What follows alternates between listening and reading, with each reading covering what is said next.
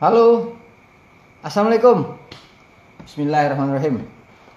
Uh, selamat malam Jumat, sobat uh, ngobat. Malam ini uh, malam Jumat, uh, malam yang afdol ya, malam yang pas buat kita semua beribadat. Di malam ini seperti malam-malam sebelumnya di episode sebelumnya uh, biasalah gue ngundang sobat gue untuk ngobrol-ngobrol uh, bareng. Ya macem-macem topiknya. Nah uh, malam ini gue ngundang temen uh, namanya Yuyun. Ya orangnya uh, gagah ya uh, gahar. Namanya aja yang manis kayak gue gitu uh, Yuyun ini pernah kerja untuk lembaga konservasi uh, besar ya barangkali terbesar di Indonesia. Uh, untuk dan menangani dia bertugas uh, ditugaskan untuk mengelola sebuah proyek konservasi badak di Indonesia. Nah, uh, ini menarik gitu karena 22 September lalu itu merupakan hari badak sedunia. Jadi menarik kayaknya kita undang dia untuk ngobrol bareng di sini. Uh, eh, gue pengen tahu bagaimana pengalaman-pengalaman dia waktu menangani proyek konservasi badak ya. Kita bisa dengar nanti pengalaman dari dia seperti apa. Nah sebelumnya ini uh, mau gue kenalin buat lulu pada semua. ini produk-produk uh, dari petani hutan. Ini ada madu, madu Sumbawa. Ini uh, produksi mitranya KPH, KPH Batu Lanteh, Kesatuan Pengelolaan Hutan Batu Lanteh. Itu ada di uh, Sumbawa ya, Nusa Tenggara Barat beli madu ini pas buat uh, situasi pandemik yang saat ini ya kita alami semua untuk menguatkan uh, apa vitalitas kita. Nah ini juga madu sumbawa ya madu.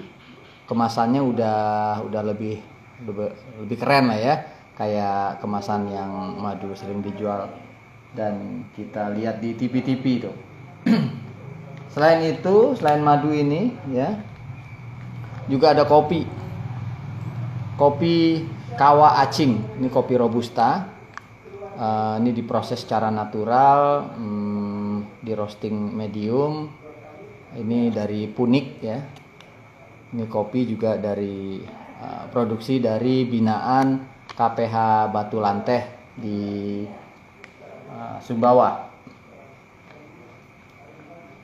Ini Jesse. Jahe sirup. Wah, Jesse keren namanya. Jahe sirup. Ini juga buatan uh, masyarakat ya, masyarakat desa dampingan dari uh, eh, BKPH Batu Lanteh di Sumbawa. Kalau teman-teman minat dengan madu, kopi atau Jesse ini silakan aja pesan di kolom komentar nanti uh, gue bantu untuk menghubungkan dengan petaninya ya. Nanti biar mereka yang langsung kirim ke teman-teman semuanya. Mengenai harga nanti bisa uh, gue bantu tanya ya. Uh, silahkan pesen. Ini ngebantu produk-produk uh, apa UKM UKM masyarakat di tepi hutan. Beli produk ini berarti ikut upaya konservasi hutan ya di Sumbawa. Oke kita mulai aja. Uh, eh, gue invite Yuyun untuk masuk. Uh, ini udah ada Mbak Ana. Mbak Ana ini yang kreator uh, apa pencerita di majalah Bobo ini. Majalah gue kecil dulu. Halo Mbak Ana. Mas Bibah join juga kemarin Mas Bibah jadi tamu gue. Halo Yun. Halo, cuy. Halo, assalamualaikum. Apa kabar, cuy? Nah, Alhamdulillah. Waalaikumsalam warahmatullahi wabarakatuh. Oke. Ya benerin dulu nih. Gimana cuy? Oke. Aman-aman aja kan? Sehat-sehat aja di sana Aman, cuy? alhamdulillah. Alhamdulillah. Kondisi pandemi nggak menyurutkan inilah eh, upaya untuk apa namanya eh, cuap-cuap. Ini karena pandemi akhirnya kita jadi jadi lebih ini nih lebih akrab sama teknologi, ya. Yoi. Dan Dipaksa kayaknya kita. lebih connected, iya lebih connected karena mau nggak mau harus semua serba online ya. Ya eh, ya kayak sekarang ini yang biasanya bisanya mungkin di media-media tertentu ini sekarang bisa dengan media yang murah gitu dan teman-teman yang lain bisa ikutan Hmm. Ini kita nggak pakai masker karena masing-masing sendiri nih kan. Jadi iya ini di di rumah ruangan masing-masing gitu. iya kebetulan ini di rumah ya udah jam kerja udah lewat jadi pulang ke rumah ya eh, bikin siaran ini oke cuy ini lu di mana nih Gue masih di Samarinda ini. oke Kebetulan di nih gue masih di kantor, jadi jadi lebih eh, lebih sunyi. Kalau di oh rumah kan pasti rame banget nanti. Oke oke. Mudah-mudahan koneksi lancar ya dalam eh, 50 menit ke depan nih. Mudah-mudahan aman. Siap. Oke. Ini kita sapa-sapa dulu nih. Ada Mas Bibah. Halo, Mas Bibah, apa kabar Mas? Ini juga suhu ini diperbadakan ini. Ini ada Jadi mohon izin ini Mas Bibah sama teman-teman suhu di sini nih. ada tepu. Wah, tepu. Tepu kecil kan tepu besar nih. Ada tepu. Oke. Eh, mudah-mudahan nanti ada teman-teman lain yang yang ikut join sama kita ya. Oke, cuy. Ya, Oke. Eh, ini kebetulan nih malam dua malam yang lalu, dua hari yang lalu itu tanggal wah ada map 22 juga itu. September ya. Oh iya Map, halo apa kabar Map? Ya, Oke, Map dari Bandung ini. Ya Mbak Ana, majalah Bobo. Oh tepu besar rupanya. Oke, cuy, dua, dua hari yang lalu 22 September itu kan eh, hari ini ya, hari Badak sedunia ya. Badak Internasional. Ya, Ya, hari Badak sedunia eh, diperingatin oleh masyarakat eh, internasional ya. eh, untuk memperingati apa upaya-upaya konservasi badak mungkin gitu ya. Nah, eh, lu kan setahu gua pernah kerja di LSM konservasi yang terbesar di Indonesia ya, Eh, dan menangani eh, apa? eh, menangani isu badak gitu, isu konservasi badak. Hmm. Nah, sebelum kita ke situ, gua ini dong ceritain dong gimana pengalaman lu eh, di konservasi gitu. Karena gue yakin kalau gue sih kenal lu, tapi teman-teman yang lain mungkin eh, perlu kenal lu juga nih lebih dalam. ya.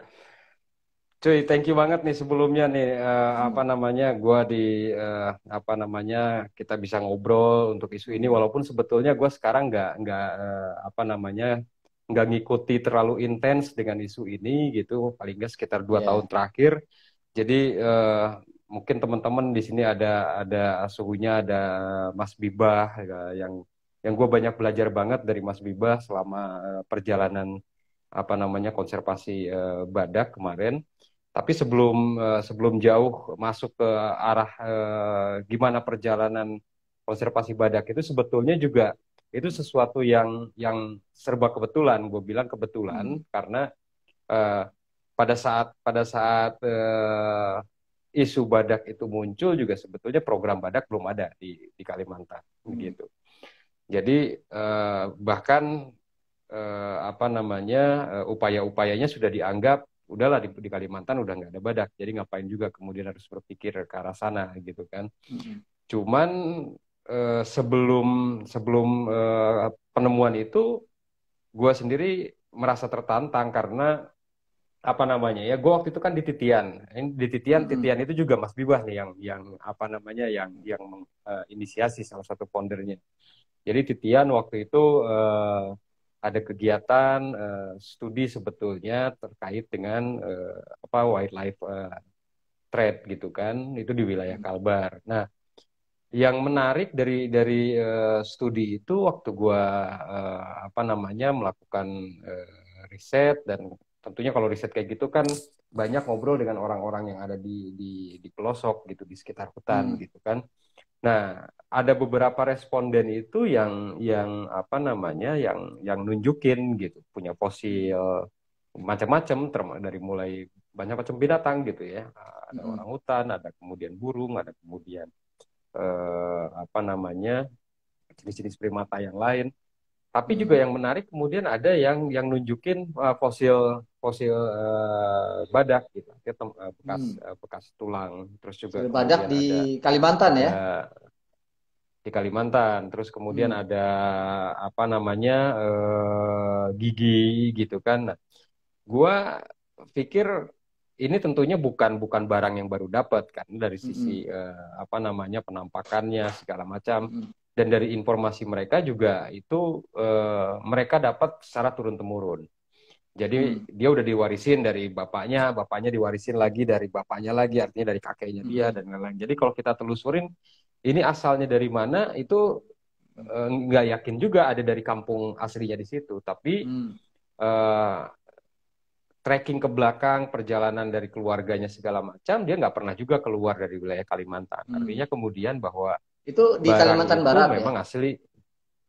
Waktu itu di Kalimantan Barat tuh kalau nggak salah okay. sekitar 2000 berapa 2005 2000 ya sekitaran segitulah Nah, eh, dari situ kan gue kemudian merasa bahwa barang ini ada dan memang juga catatan-catatan eh, apa namanya eh, penelitian segala macam juga hmm. apa namanya bilang barang itu ada di, di Kalimantan. Cuman kan kita nggak pernah nih di, diberikan uh, apa namanya informasi terbaru atau bahkan sejarah buku-buku yang yang populer bahkan hmm. kemudian di jenjang sekolahan katakanlah kalau di SD atau misalkan di SMP selalu kalau bicara soal badak itu itu ada di ujung kulon hmm. badak ada di ujung kulon badak ada di Sumatera gitu ya di Jawa itu di Kalimantan bahkan nggak nggak ada yang yang yang hmm. apa mempopulerkan bahwa ada badak di Kalimantan sehingga kemudian nggak mudah juga untuk meyakinkan banyak orang uh, bahwa badak ada di Kalimantan.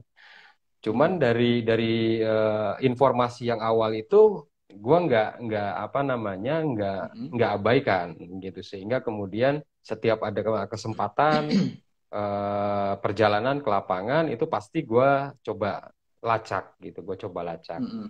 sampai punya kesempatan yang lebih uh, besar untuk melacak itu ketika gue uh, pindah ke Kaltim gitu kan nah yeah. di situ memang kebetulan tempat-tempat jadi uh, di Kalbar lu mulai ya. itu dari tahun berapa melacak kurang lebih dapat informasi uh, keberadaan badak informasi informasi awal sekitar 2005 kurang lebih 2005, 2005 itu ya. gua uh, 2005 terus kemudian lacak-lacak-lacak hmm. bahkan sebelum 2005 mungkin 2003 karena waktu penelitian gue hmm. dengan traffic sekitar 2003 okay. lalu kemudian 2010 2011 gue kan hijrah nih ke Kaltim gitu kan di Kaltim hmm. punya kesempatan lebih banyak main ke eh, lapangan jadi kemudian okay. punya banyak eh, kesempatan ketemu dengan orang dan kemudian menggali informasi itu kira-kira hmm. gitu gitu Wah, menarik juga ya. Uh, apa ini panjang gitu perjalanannya sampai akhirnya uh, apa uh, sebelum sebelum badak di Kalimantan itu di ditemuin gitu ya. Uh, jadi jadi uh, rekor pertama kali gitu.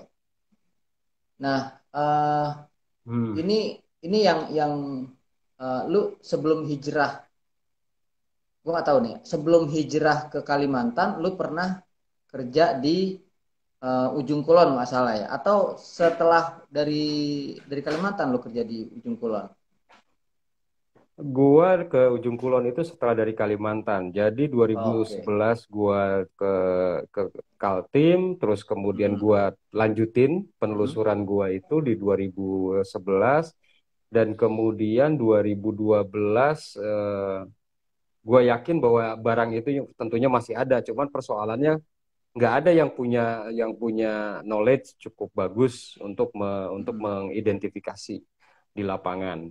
Makanya Mm-mm. kemudian 2012 itu gue sempat ngirim eh, anggota ke Aceh gitu.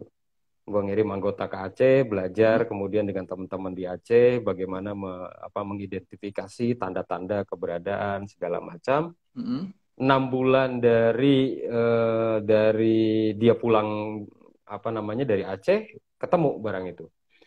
Jadi memang prosesnya Di relatif cepat di mana tuh? Ketemu di mana eh, maksudnya? ke- di Kaltim, ketemu di Kaltim Oh, di Kaltim. gitu Jadi kan pulang dari di pulang dari eh, apa eh, training lah ya di Aceh. Mm-mm, pulang dari Enam bulan training di ketemu, enam Aceh, bulan kemudian begitu masuk ke hutan di Kaltim ketemu ya. ya ketemu gitu. Nah itu juga prosesnya juga relatif cepat kalau kalau dari sisi waktu, cuman juga eh, dari sisi strategi juga memang nggak nggak nggak apa namanya bukan sesuatu yang yang sembarangan dalam artian Mm-mm. begitu. Karena gue coba plotting juga sambil temen ini belajar ke ke Aceh, terus kemudian gue Mm-mm. plotting beberapa pendekatan gue pakai lakukan scoping-scoping sehingga mengerucut wilayah pencariannya, mengerucut wilayah pencariannya, lalu kemudian dan dipastikan eh, perimeternya itu ada di wilayah itu dari berbagai eh, Mm. informasi. Nah, eh, dari situ baru kemudian intensif di, eh, di- dicari. Tapi juga karena resource-nya terbatas, karena belum populer populer pada saat itu, sehingga kemudian susah juga meyakinkan orang. Ya akhirnya kita swadaya aja, swadaya untuk kemudian coba eh, membuktikan bahwa itu ada. Nah, informasi dari dari masyarakat kemudian ada yang ngelihat bentuknya seperti ini, jejak segala macam, baru kemudian kita telusuri sekitar Januari, kalau nggak salah jejak pertama itu sekitar Januari 2013. Januari Sekitar Januari 2013. 2000, ya Oke. Januari 2013 itu kemudian kita eh, apa namanya kita lacak, dapat jejaknya Mm-mm. sekitar bulan Maret itu eh, dokumentasi pertama. Jadi itu Mm. kalau menurut yang sudah lama menggali eh, keberadaan badak di Kalimantan itu dokumentasi pertama yang yang didapat dalam era penelitian-penelitian yang modern gitu ya, dia pakai kamera trap, Mm. pakai kemudian Ya. eh, apa namanya alat-alat penelitian seperti itu. Mm. Sebelumnya kita hanya dapat informasi dari lisan dan susah untuk Mm. menunjukkan, gitu, meyakinkan gitu. Kira-kira gitu. Catatan-catatan ini enggak ada? Eh, catatan-catatan penelitian atau catatan-catatan apa eh, para eh, kolonialis penjajah dulu waktu ke Indonesia ada nggak itu yang menerangkan men- eh, menyebutkan ada temu badak di situ? Sebetulnya kalau untuk wilayah Kalimantan, Borneo kita kan eh, apa namanya sudah ada eh, badak-badak yang ditemukan di wilayah Malaysia, di Sabah. Bahkan kemudian ada yang sudah dikelola di dalam sanctuary. Terus Hmm. kemudian juga ada fosil-fosil apa namanya gambar-gambar di gua segala macam dari Hmm. catatan-catatan antropolog eh, sejak tahun 1800-an sebetulnya sudah ada. Hmm. Lalu kemudian 1000 eh, 1960-an itu juga ada ada catatan-catatannya. Cuman semuanya itu belum menunjukkan eh, apa namanya foto, gambar yang kira-kira eh, cukup jelas gitu Hmm. ya. Eh, terakhir itu kurang lebih sekitar mungkin tahun eh, 60-an ada catatan, lalu kemudian setelah itu nggak ada. Riset terakhir juga sekit, eh, yang belakangan ini tahun 90-an, eh, kalau nggak salah 97 atau 2007, itu hanya Hmm. spot-spot aja berdasarkan informasi, tapi kemudian juga nggak pernah ada yang ketemu fisik secara langsung atau Hmm. kemudian eh, dapat gambarnya. Makanya Hmm. kemudian penemuan yang 2013 itu 13. eh, lebih meyakinkan lagi karena ada fotonya, ada videonya, Hmm. lokasinya jelas gitu, Eh, individunya jantan atau betina itu kemudian ke- kelihatan seperti itu. Wah, gitu, seneng cuy. banget dong tuh ya. gitu, ketemu langsung ibaratnya tuh ya, ketemu langsung ada barangnya masih hidup gitu. hmm. gitu. Hmm. artinya hmm. sebenarnya udah ada catatan dan badak ini ada gitu di Kalimantan. Maksudnya di Pulau Borneo ada ya, tapi di Sabah ya. Hmm. Cuma di hmm. Kalimantan hmm. itu belum ada uh, rekor uh, keberadaannya gitu. Uh, belum ada nah, penemuan yang sampai mendapatkan bukti itu. Walaupun sebetulnya di di dokumen rencana strategi uh, rencana aksi strategi konservasi badak itu -hmm. udah ada mandat itu. Hmm. Harus dilakukan uh, studi yang lebih mendalam untuk membuktikan atau memastikan hmm. badak di Kalimantan itu masih ada apa uh, hmm. tidak. Nah itu sudah ada mandat, tapi kemudian dari mulai tahun berapa ya uh, buku itu ada itu uh, tidak pernah ada penemuan sampai dengan 2013. Hmm. Itu tidak pernah ada penemuan karena nggak ada yang nyari atau uh, atau apa cuy? Kalau nyari sih mungkin uh, kalau nyari sih mungkin ada ya, tapi kemudian hmm. nggak hmm. tahu metode nyarinya seperti apa gitu.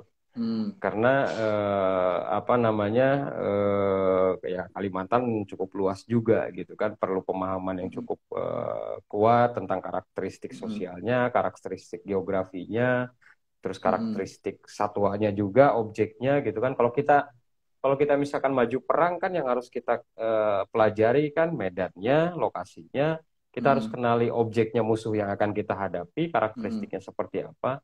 Kita juga harus paham dengan kekuatan apa yang kita punya, kelemahan apa yang kita punya, mm-hmm. lalu kemudian bagaimana kita mengatur strategi. Kalau misalkan kita hanya perang saja tahu musuhnya seperti apa, tapi kita nggak bisa membaca medannya, kita juga tidak mm bisa paham kapasitas kita ada di mana, nggak bisa ngatur strategi, ya sampai kapan pun susah untuk akan memenangkan peperangan kan gitu inti. Mm-hmm. Jadi lu nganggap uh, upaya menemukan badak ini layaknya sebuah perang gitu ya yang medannya harus lu kuasain betul tahu betul siapa yang uh, disasar gitu ya Iya, uh, karena kan kita harus uh, ini ya apa namanya scoping. Bayangkan aja untuk hmm. untuk untuk Kalimantan itu berapa juta hektar kawasan hmm. daratannya. Terus kemudian hmm. kita yang kita harus cari barang yang jumlahnya mungkin nggak lebih dari katakanlah 50 uh, ekor, katakanlah mungkin bahkan hmm. 20 atau 10 ekor di dalam hutan yang iya. luas. Yeah. Gitu kan.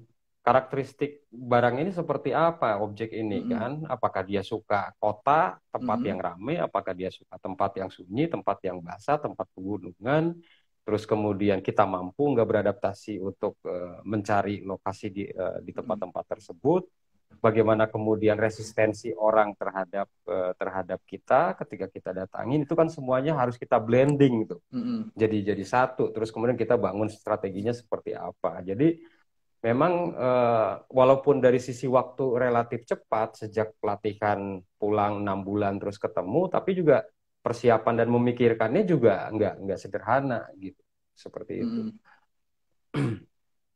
Nah ini ada yang nanya nih cuy uh, si Embing nanya, uh, ini badaknya badak yang dari Sabah, dari dari Malaysia, kemudian ke mana?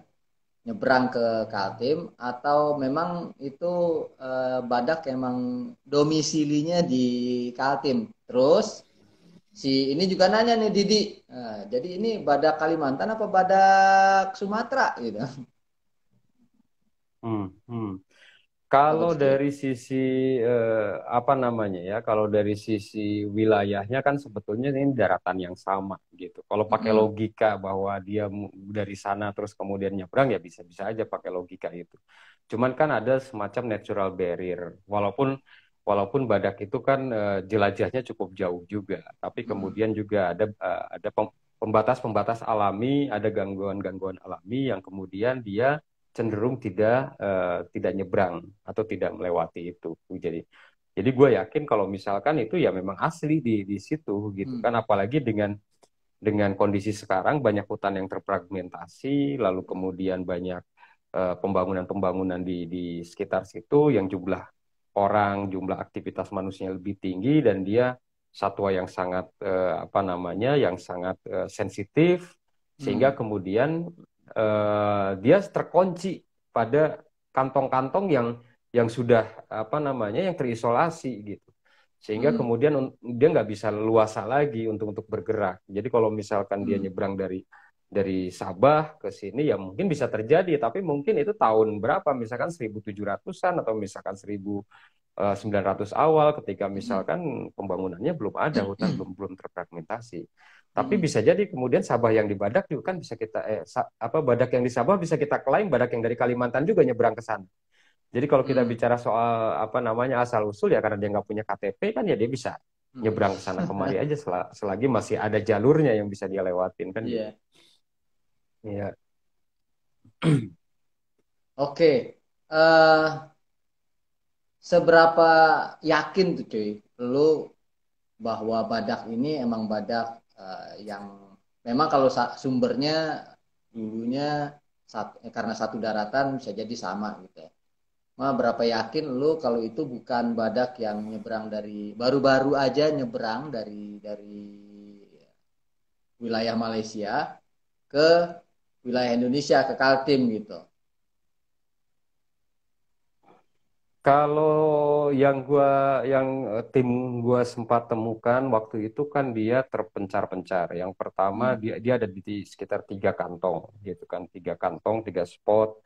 Terus kalau di kalau di uh, apa namanya kalau dari Sabah perbatasan itu gua nggak tahu ya jaraknya berapa ratus kilometer gitu dan hmm. di antara jarak itu sudah sudah banyak sekali uh, aktivitas ada HPH ada kemudian okay. pemukiman ada kemudian hmm. apa namanya batasan-batasan alam walaupun badak itu bisa juga badak Sumatera ini itu badak pegunungan gitu kalau yang di Kalimantan ini kan masuk hmm. badak Sumatera dia badak pegunungan dia memang pen, uh, apa namanya penjelajah yang cukup bisa sampai ke bukit-bukit lalu kemudian dia hmm. bisa cukup jauh uh, tapi dengan era-era yang sekarang ini misalkan di uh, katakanlah uh, masuk di tahun 2000 atau masuk di tahun 9 uh, tahun 50-an ke sini itu peluangnya untuk nyebrang kayaknya sih udah udah kecil artinya dia memang sudah terkunci di di situ hmm. gitu jadi memang udah okay. benar-benar uh, endemik yang ada di lokasi itu hmm.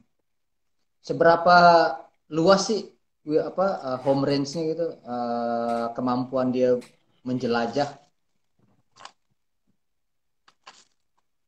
Uh, waduh, ini gue apa namanya udah lama juga nggak nggak baca-baca yang model begituan ya. Tapi kayaknya di wilayah yang yang sekitar 100 ribuan hektar yang gue masukin itu juga ya dari sisi jejak mungkin ada sekitar kurang dari sepuluhan, tapi memang dari sisi dari literatur literatur mungkin sekitar tiga ribuan hektar. Ya kurang dari segitu tapi kita nggak tahu pasti juga karena nggak ada yang memperdalam lebih uh, jauh lagi lalu kemudian juga uh, temuan sekarang ini seperti apa gitu uh, tapi jelajah dia memang cukup uh, cukup jauh lalu kemudian dia kan soliter juga jadi dia hmm. uh, jantan, betina atau masing-masing individu dia kecenderungan main sendiri, gitu kan. Hmm. Jadi memang dia memerlukan uh, wilayah yang cukup luas untuk dia kemudian bisa main-main, hmm. gitu. Dia nggak hobi gaul berarti ya?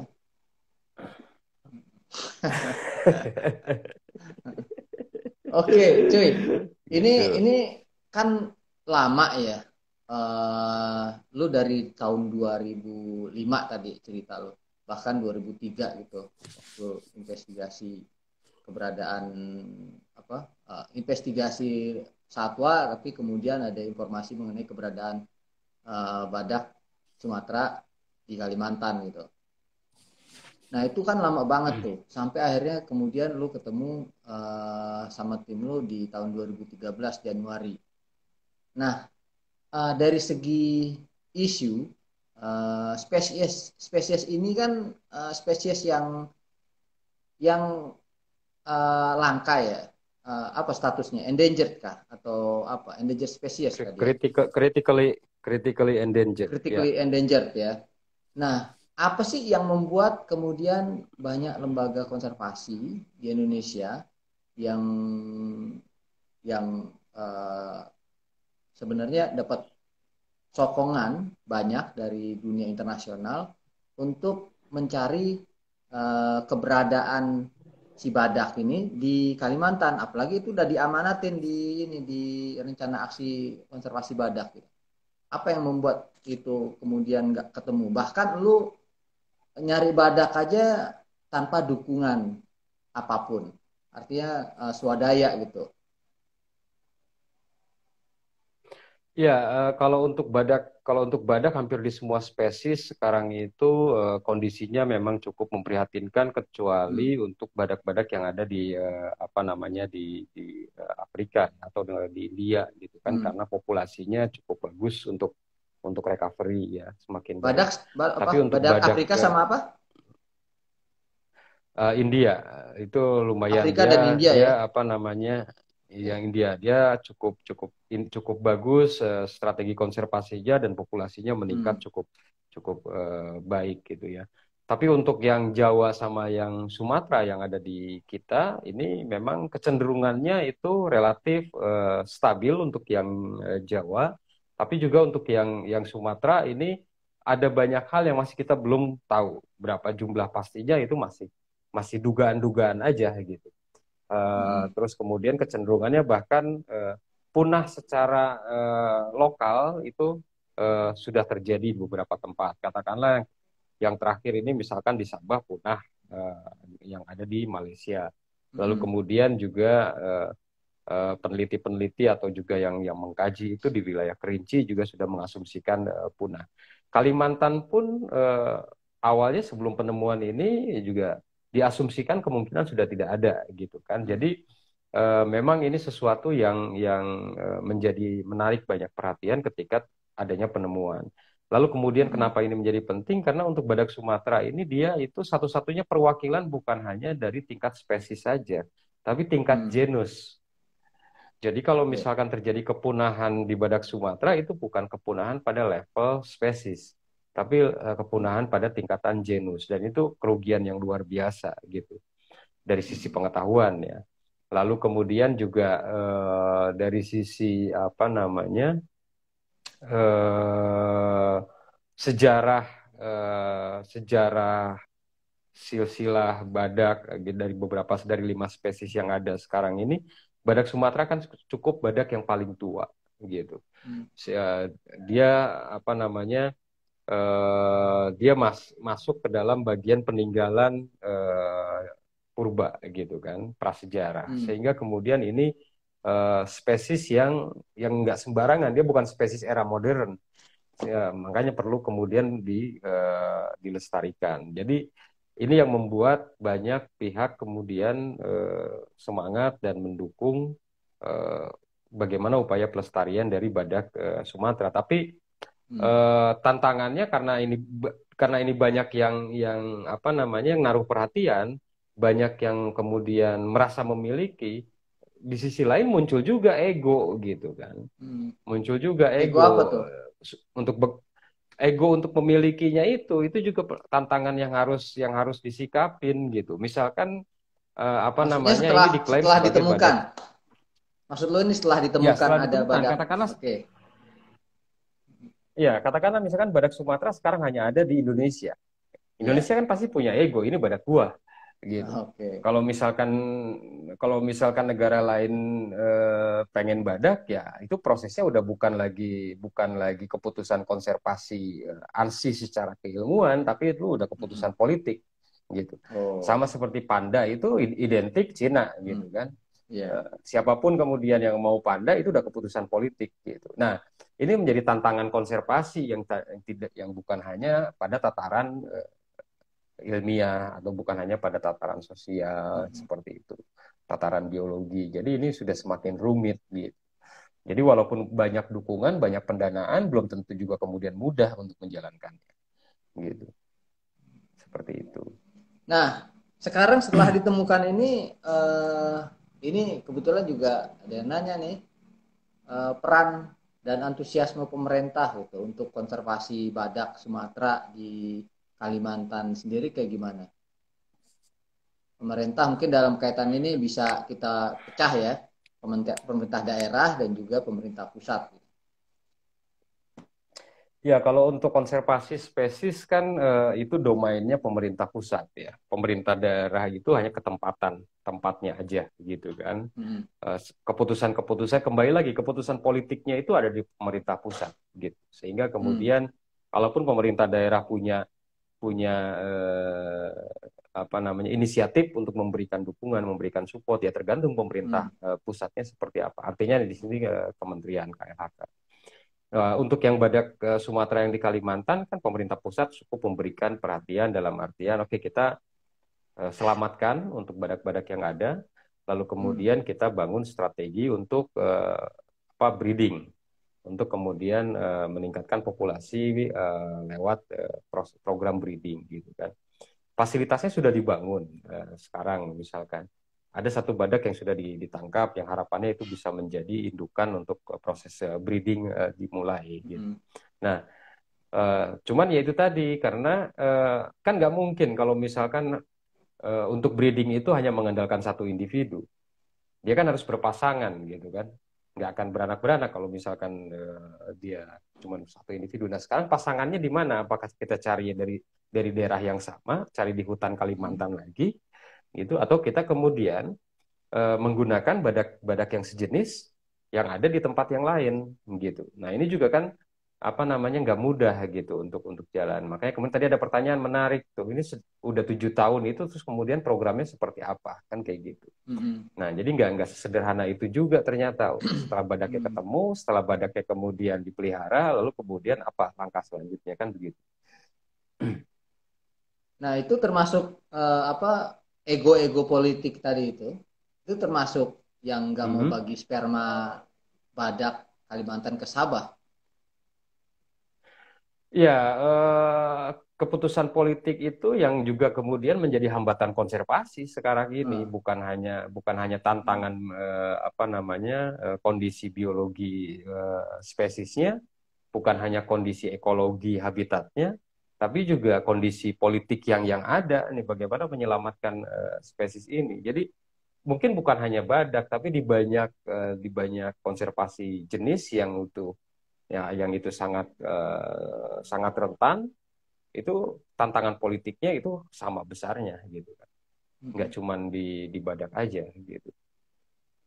Iya, gue jadi ingat juga nih waktu itu waktu kita kerja bareng untuk uh, badak ini ya, badak Jawa ya uh, untuk hmm. apa bangun habitat kedua badak Jawa di hmm. mana di wilayah Sukabumi ya itu hmm. salah satu tantangannya adalah uh, ini ego pemerintah daerah itu uh, ada slogan hmm. kan badak Jawa hanya kami yang punya gitu sehingga yeah, kalau misalnya yeah, mau yeah, di yeah. di apa uh, mau dilempar ke habitat keduanya di luar wilayah uh, administrasi provinsi tertentu itu itu jadi jadi problem juga gitu harus uh, hmm. dilakukan pendekatan-pendekatan politik supaya mau rela gitu ngasih badak hmm.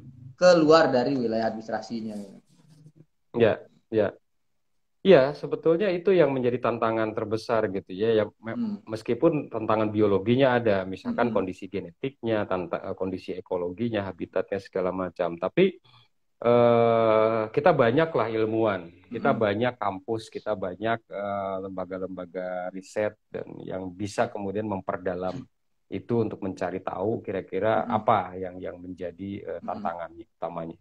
Tapi tantangan politik dan sosial ini juga nggak sederhana. Mindahin badak dari satu kampung keluar kampung walaupun dalam satu kabupaten itu juga nggak uh, nggak nggak gampang gitu. Ada wilayah adat yang kemudian harus dihargai, masyarakat adat yang kemudian harus dihargai, lalu kemudian juga ada ada uh, apa namanya penguasa wilayah dan dan macam-macam. Makanya kemudian untuk untuk program penyelamatan atau konservasi yang yang lebih uh, uh, apa namanya uh, serius membutuhkan pertimbangan-pertimbangan yang lebih komprehensif, nggak hanya pertimbangan hmm. saintifik hmm. dalam artian uh, biologinya saja atau ekologinya saja, tapi semua elemen itu harus menjadikan pertimbangan. Nah, politik ekologi. jadi ada menarik pertanyaan politik ekologinya itu harus hmm. harus dilihat, keterlibatan para pihak juga harus hmm. harus di, diperhitungkan karena hmm dengan kondisi yang sekarang ini menjadi barang yang seksi, semuanya pengen ikut ambil bagian. Hmm. Ikut ambil bagian dalam penyelamatan. Kan sebetulnya itu sesuatu yang positif. Hmm. Gitu kan. Tapi kemudian tidak semuanya, tapi kemudian yang ingin ambil bagian terlibat itu juga harus kita uh, harus kita identifikasi kapasitasnya ada di mana dan harus kita bagi-bagi kerjaan itu gitu kan jangan sampai kemudian orang yang yang mau mengambil bagian dan punya kapasitas tertentu dalam hal tertentu itu kemudian tidak diperhatikan yang akan memper, memperberat uh, pekerjaan-pekerjaannya karena kan ada gangguan-gangguan dari sisi yang lain. Gitu. Nah ini cuy pengalaman lu gimana tuh ngadepin tantangan? Oke kalau tantangan uh, secara biologi, secara cara teknis konservasi itu relatif uh, bisa bisa dihandle lah ya. Nah, tantangan yang terbesar uh, tadi yang gue tangkap justru tantangan-tantangan yang sifatnya politik political ecology gitu. Nah, apa yang yang uh, kemudian uh, selama pengalaman lu yang lu lakukan uh, bisa bisa menggandeng Eh, pemimpin-pemimpin politik gitu untuk mau pertama mendukung upaya konservasi badak, yang kedua e, merelakan gitu untuk orang lain, pihak lain e, yang punya kepentingan politik lain dengan dirinya itu e, mengatasi problem-problem e, politik ini gitu. Ya, kalau yang pengalaman yang gue jalanin waktu itu, uh, gue perlu orang yang gila, hmm. perlu orang gila yang kemudian tahan untuk uh, untuk apa namanya ngopi bareng dengan masyarakat, hmm. gitu kan. Uh, or, perlu orang-orang juga yang punya uh, apa namanya komitmen kuat untuk uh, dan juga kapasitas keilmuan yang mumpuni untuk bisa membangun logika-logika yang uh, yang jelas dan memberikan input ke, hmm. ke pemerintah. Karena kan sebetulnya pemerintah ini kan pengambil keputusan, tapi ke pengambil keputusan tergantung dari masukan. Hmm. Nah, setelah keputusan itu diambil, lalu kemudian bagaimana menjalankannya perlu dukungan dari para pihaknya. Nah, dukungan ini dari berbagai level gitu kan, sehingga kemudian memang nggak nggak sederhana. Waktu waktu kita coba untuk masuk ke dalam satu wilayah yang belum pernah kita masukin dan kemudian kita mau menggali uh, keberadaan satwa tersebut, badak, lalu kemudian kita apalagi mau nangkap, itu resistennya luar biasa di, di, di, di kampung. Dari yang awalnya kemudian tidak boleh, yang awalnya tidak boleh masuk, yang awalnya kemudian kita harus bayar eh, sekian, hmm. yang yang kemudian kita nggak boleh uh, apa namanya uh, apa mendapat harga yang tinggi untuk kemudian hmm. kita bekerja sampai kemudian akhirnya kita diterima menjadi bagian uh, keluarga. Awalnya kita itu pernah kita hanya tidur di uh, apa namanya di jamban, hmm. di jamban karena kita nggak nggak nggak dapat tempat tinggal di, di kampung. Padahal kemudian di di atas jamban itu ada tempat uh, ada tempat uh, warga segala macam. Tapi kita yang cukup seminggu, lalu kemudian kita uh, diajak ngobrol, mereka minta bayaran, bayangin satu juta sekali masuk. Uh, Berapa? Terus kemudian kita mau nginap satu juta sekali masuk. Padahal oh. kita survei bisa jadi dua minggu sekali. Yeah. Kalau satu sekali masuk satu juta kan bisa kebayang gitu. Sampai kemudian kita tanya, Pak, kalau Bapak caranya seperti ini, kampung ini nggak akan pernah dikenal orang kalau orang kemudian tidak boleh masuk ke dalam kampung ini. Hmm. Tapi kita ajak ngobrol dengan bagaimana, apa kebutuhan mereka segala macam. Sampai kemudian kita harus ngajar di SD, terus kemudian dulu waktu waktu tim tim kita di sana itu semua anggota tim sebelum masuk ke kampung sehingga dulu dua tiga hari di dalam kampung kalau bisa kita kemudian ngajar di sekolah kita ngajar baru masuk hutan. Hmm. Uh, setelah keluar dari hutan, kita nggak boleh langsung pulang dari kampung. Uh, tim gue dulu, gue minta tinggal dulu sedua dua tiga malam di sana, bangun uh, ikatan sosial dengan masyarakatnya, terus kemudian kita ajak mereka menjadi bagian daripada uh, saudara kita. Hmm. Terus kemudian dari situ kita lebih nyaman lagi kemudian dia nggak dia tidak menganggap kita orang asing, terus kemudian dia menyediakan apa pun kebutuhan kita. Yeah terus sampai kemudian uh, dia memberikan dukungan. Nah dari situ kemudian kita udah dapat lampu hijau mau ngapain mau ngapain hmm. di sana. Terus sampai kemudian ke level kab, uh, kabupaten kita ajak semuanya pihak untuk berpikir ini memang sesuatu yang yang harus diperjuangkan dan ini merupakan uh, apa namanya identitas gitu.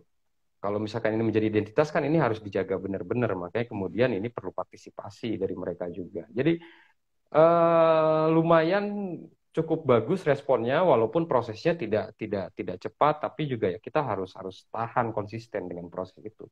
Di sisi lain kemudian juga harus membangun dukungan dari pihak-pihak yang punya keilmuan yang cukup untuk membuat untuk mem, apa namanya menyiapkan strategi-strategi yang matang sehingga ketika keputusan politik diambil strateginya kemudian dijalankan di bawah di level tapak itu sudah siap untuk hmm. untuk bekerja. Jadi kira-kira itu yang yang yang dijalankan pada saat itu. Menarik, menarik cuy. Uh, artinya ini ini satu pendekatan yang menarik yang nggak ada tuh di buku-buku. Uh, hanya bisa didapat dari pengalaman. Nah ini gue juga uh, bisa share nih soal ini. Memang uh, di satu apa uh, ketika saat ada satu satu kegiatan atau satu satu proyek yang sedang kita lakukan uh, di satu wilayah, satu desa atau satu kecamatan, satu kabupaten itu. Ini uh, mendapatkan apa penerimaan dari orang setempat itu adalah uh, hal yang yang penting untuk diperoleh sebelum kita memulai kegiatan gitu. Karena ketika uh, itu udah didapat ya membangun raport ya ketika kita udah hmm. udah dianggap menjadi satu kesatuan atau paling tidak uh, apa uh, kita udah immerse gitu. Udah nggak dianggap sebagai uh, orang lain. Ya mungkin masih dianggap orang lain tapi uh, pada level tertentu itu udah udah udah lebih cair ya.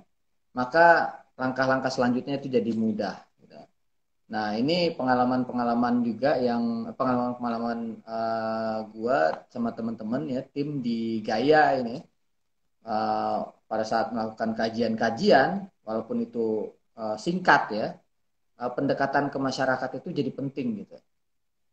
Membangun raport uh, memahami memahami kondisi uh, apa kultur masyarakat kemudian value yang dipegang oleh masyarakat jadi itu jadi penting gitu sehingga dengan demikian uh, kita mencoba menjadi bagian dari kultur yang mereka pegang. Kita memahami dan dan apa uh, mencoba uh, melihat nilai-nilai yang pe mereka pegang itu itu kita coba juga untuk internalisasikan dalam kegiatan kita sehari-hari selama di di tempat mereka itu. Dan alhamdulillah uh, ketika udah diterima mereka merasa bukan kita bukan orang lain jadi lebih terbuka dan kegiatan jadi lancar informasi yang kita butuhkan ya kami butuhkan untuk untuk apa mendapatkan uh, data informasi dari dari mereka itu lebih mengalir gitu ini hmm. menarik gitu artinya kalau misalnya di di buku-buku pelajaran itu nggak ada ya. hanya pengalaman yang kemudian memberikan uh, kita pelajaran kayak gitu. Oke, cuy. Ya. Ini uh, kita masih punya waktu kurang lebih 10 menit nih. Ya.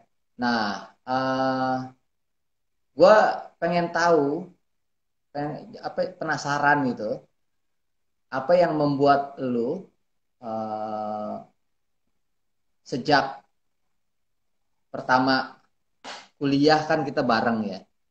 Nah, apa yang kemudian membuat lo uh, terjun di dunia ini gitu, di dunia konservasi, kemudian uh, bahkan tadi uh, gue walaupun kita banyak bareng, tapi uh, ada hal juga yang gue nggak tahu gitu soal soal uh, kegigihan lu untuk mencari tahu keberadaan uh, apa badak di Kalimantan itu. Nah, apa yang membuat lu uh, apa punya passion di situ? Ya, uh, sebetulnya sih nggak apa namanya. Gue pikir uh, ada sesuatu yang berbeda lah kalau kita bisa mem, mem, apa namanya bisa me, menjawab tantangan yang yang apa yang orang lain juga sedang sedang coba menjawab tantangan tersebut hmm. gitu dan kebetulan kemudian eh, apa namanya kita punya kesempatan gitu jadi ya gue pikir dengan adanya kesempatan itu itu menjadi semakin motivasi kan untuk kemudian kita hmm. kita uh, membuktikan bahwa hmm. kita bisa nih untuk mendapatkan uh, itu jadi uh, rasa penasaran dan kemudian uh, apa namanya uh, keinginan untuk menjawab itu juga itu menjadi salah satu hal yang memotivasi kita untuk untuk jalan. Di samping itu juga kan pada dasarnya gue gue senang untuk untuk main di di lapangan ketemu hmm. dengan banyak orang ketemu dengan dengan masyarakat apalagi kemudian uh, ada yang di sekitar hutan kayak gitu. Itu itu lebih merdeka gitu lebih merdeka hmm. dalam berpikir lebih merdeka dalam dalam berkreasi gitu kan. Jadi kalau di kota lo terpenjara nih. nyaman nah kalau di kota ini kan kita banyak aturan banget. Nah, apalagi sekarang udah ada jam malam nih.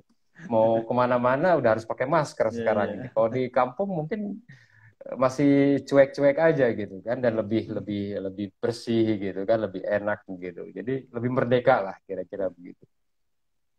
Gitu cuy.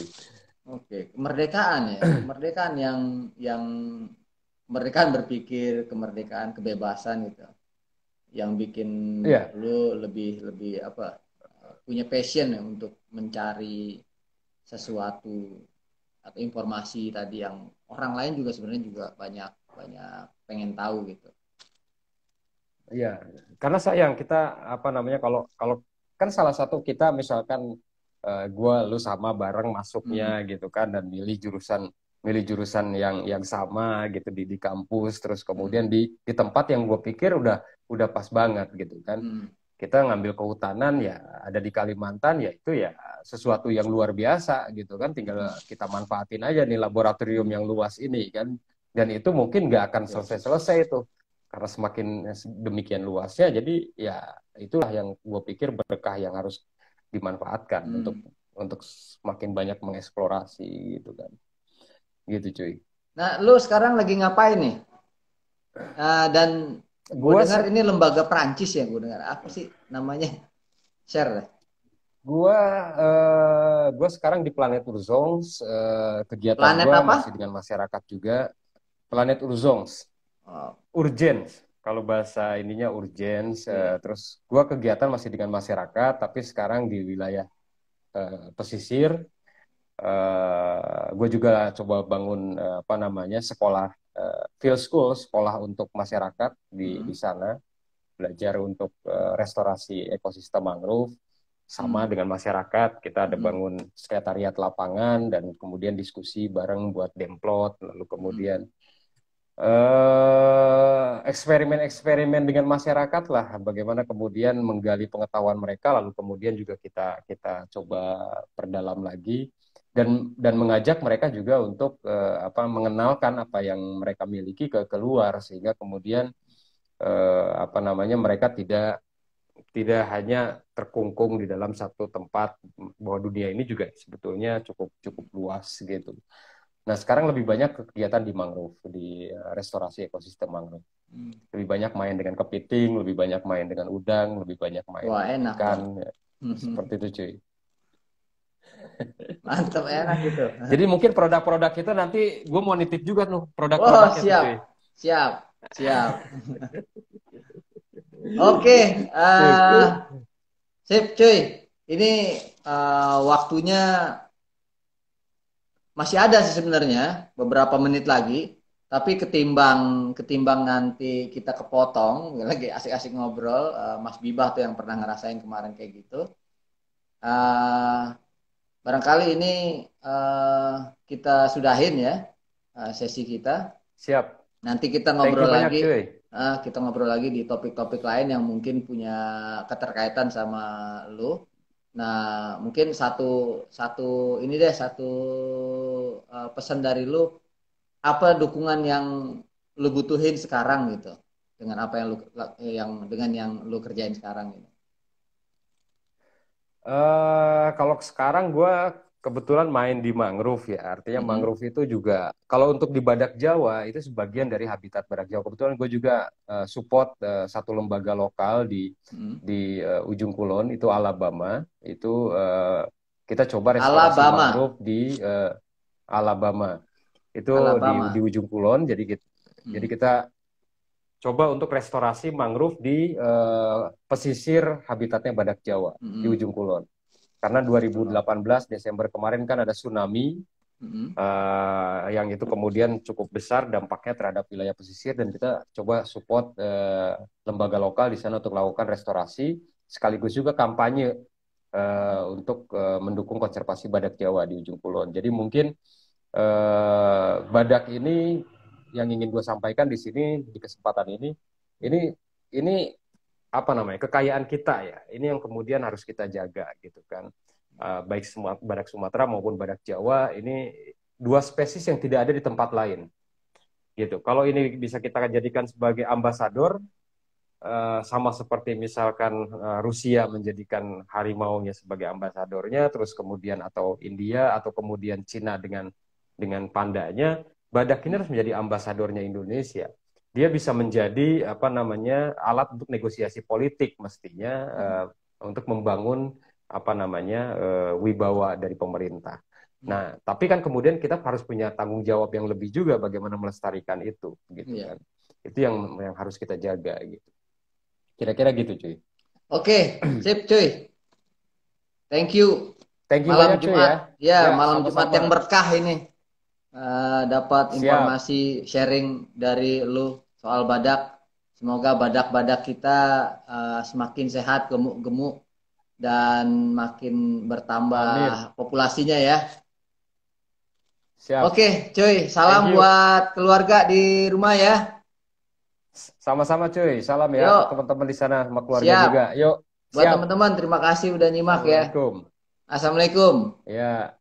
Yo, waalaikumsalam. Waalaikumsalam.